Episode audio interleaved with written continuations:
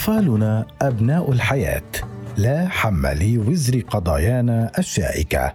يا من المغربي كأي أب سوري في بلاد اللجوء الضيقة نفسيا والواسعة جغرافيا لم أنجو من أسئلة ابنتي التي يمكن اختصارها بكلمتين من نحن؟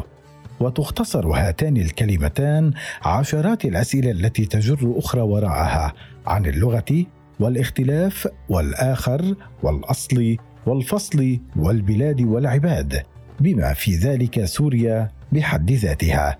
أسباب خروجنا منها واستحالة العودة في الوقت الحالي ومن السهل جدا أن يكون الفضول هو المصدر الرئيسي لهذه الأسئلة على اعتبار أن الكانتون السوري في تركيا موجود بشكل كبير لغويا على الأقل.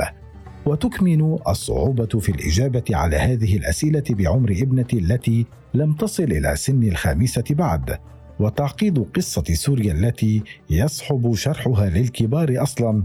فما بالكم لطفلة لا يتجاوز عمرها أصابع اليد الواحدة. قبل أعوام اشتبكت في نقاش طويل مع أحد الأصدقاء من الصحفيين السوريين حول انتماء الأطفال المولودين في بلاد المهجر. وهو حديث متكرر وشبه يومي لدى السوريين في تركيا.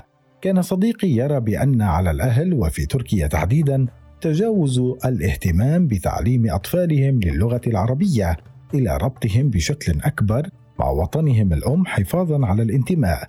وأذكر أن النقاش كان يدور في عام 2019 وهو العام الذي شهد بداية تغير لهجة الحكومة التركية تجاه اللاجئين والمقيمين السوريين والعرب والجنسيات الأخرى بشكل عام.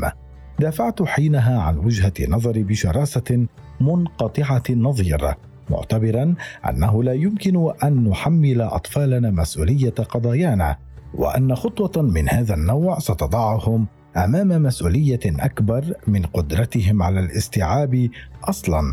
ومن شأنها أيضا أن تحرمهم من حياة طبيعية ومن طفولتهم المهددة بالاضطرابات كما أن هذه النقطة لا تتصل بعملية الحفاظ على الهوية العامة للعائلة وانتمائها إلى مجتمع ما بقدر ما تهدف إلى الحفاظ على انتماء أخلاقي على الأقل لقضيه ما بغض النظر إن كانت هذه القضية محقة أم لا إذ إن عملية التصنيف تخضع بدورها إلى وجهات نظر تختلف تبعا لمئات التفاصيل التي لا يمكن ذكرها في هذا المقال. رأى صديقي حينها أن على السوريين جميعا تعليم أطفالهم اللغة العربية قبل التركية وهو أمر حسن لم أعترض عليه. لكن المشكلة في السبب الذي سيدفع الأهل لتعليم أطفالهم اللغة العربية هل هو أهمية امتلاك لغة ثانية إلى جانب اللغة التي يستخدمونها في المدارس؟ وهو ما يعني فرصا أكثر وتميزا وقدرة أكبر على البحث والاكتشاف والمعرفة والتواصل مع الآخر وفهم طبيعة الاختلاف أم أنها تأتي في منطلق قومي بحت في مواجهة العنصرية أو المتغيرات التي يخاف منها الأهل؟ طبعا هذه الأسئلة جاءت في خضم النقاش الذي كان أحد أهم أسبابه حينها ربط الأطفال بالثورة السورية منذ نعومة أظفارهم بل وهم في بطون أمهاتهم إن أمكن.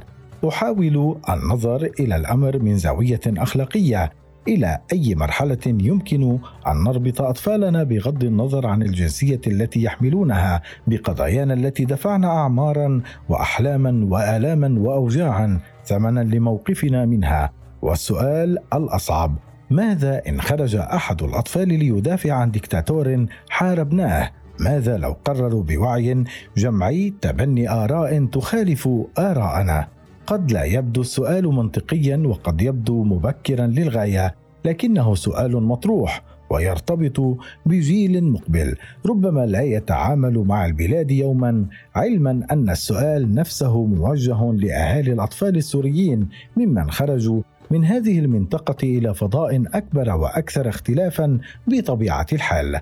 لنعتبر أن النقاط التي ذكرتها في الأعلى تمثل الرأي ألف ولننتقل سويا إلى الرأي ب. أليس من حق الأطفال أن يعرفوا تاريخ عائلاتهم وعذابات أهلهم والأسباب التي دفعتهم إلى الخوض في البرد وتحدي الخطر والوصول إلى مجتمع لا يعد فقط غريبا بل يختلف بشكل شبه كلي في العادات والتقاليد والثقافة والنظرة للحياة والنظام العام.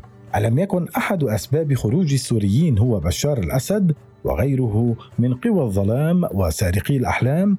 كيف يمكن لي أو لغيري أن نتقبل أن أطفالنا قد يصافحون يدا ملطخة بدم أهاليهم ويدا أخرى هدمت أحلامهم وسرقت أمانيهم وتضحياتهم لإقامة دويلات في البلاد؟ لا هم لأمرائها سوى أنهم وصلوا إلى كرسي يتحكمون من خلاله بمصير العباد.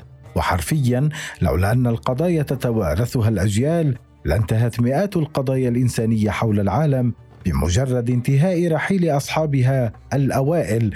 ولا يمكن بطبيعة الحال أن نتخيل استمرار قضية ما دون عملية الوراثة تلك. لما كان هناك قضية فلسطين أو أي قضية أخرى. وبالتالي من البديهي أن شرط استمرار قضية ما لفترة ما هي انتقالها بالوراثة لأصل إلى النقطة الأخيرة. لا أدعو بالتأكيد إلى نسيان القضايا التي دفعنا أعمارنا ثمنا لإيماننا بها ولا أن نترك أولادنا جميعا عرضة للتلاعب بما يخص تاريخ مجتمعاتهم. لكنني أرى في المقابل أن مقولة الكاتب الفلسطيني الراحل غسان كنفاني إذا كنا مدافعين فاشلين عن القضية فالأجدر بنا أن نغير المدافعين لا أن نغير القضية. تمثل هذا الجانب تماما وعملية التغيير تلك تستدعي أيضا موقفا اخلاقيا بأن ندع الجيل المقبل الذي ولد وبدأ يكبر بالفعل أن يحدد ما يراه هو بما يناسب تطلعاته وآماله وما يتوافق مع ظروفه ليجد آليات جديدة للدفاع عن قضايا يراها البعض ميتة أو على وشك الزوال إلا أنني أراها وغيري كثيرون ما تزال حية وينبض فيها الأمل. علينا بالتأكيد بشكل ما أن نخبر أولادنا بما جرى كل من وجهة نظره.